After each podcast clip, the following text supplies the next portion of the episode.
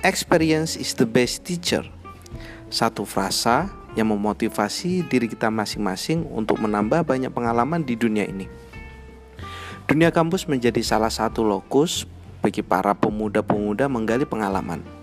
Banyak cerita yang dapat kita rasakan, kita haru bersama, dan kita mendapatkan pengalaman untuk menata masa depan.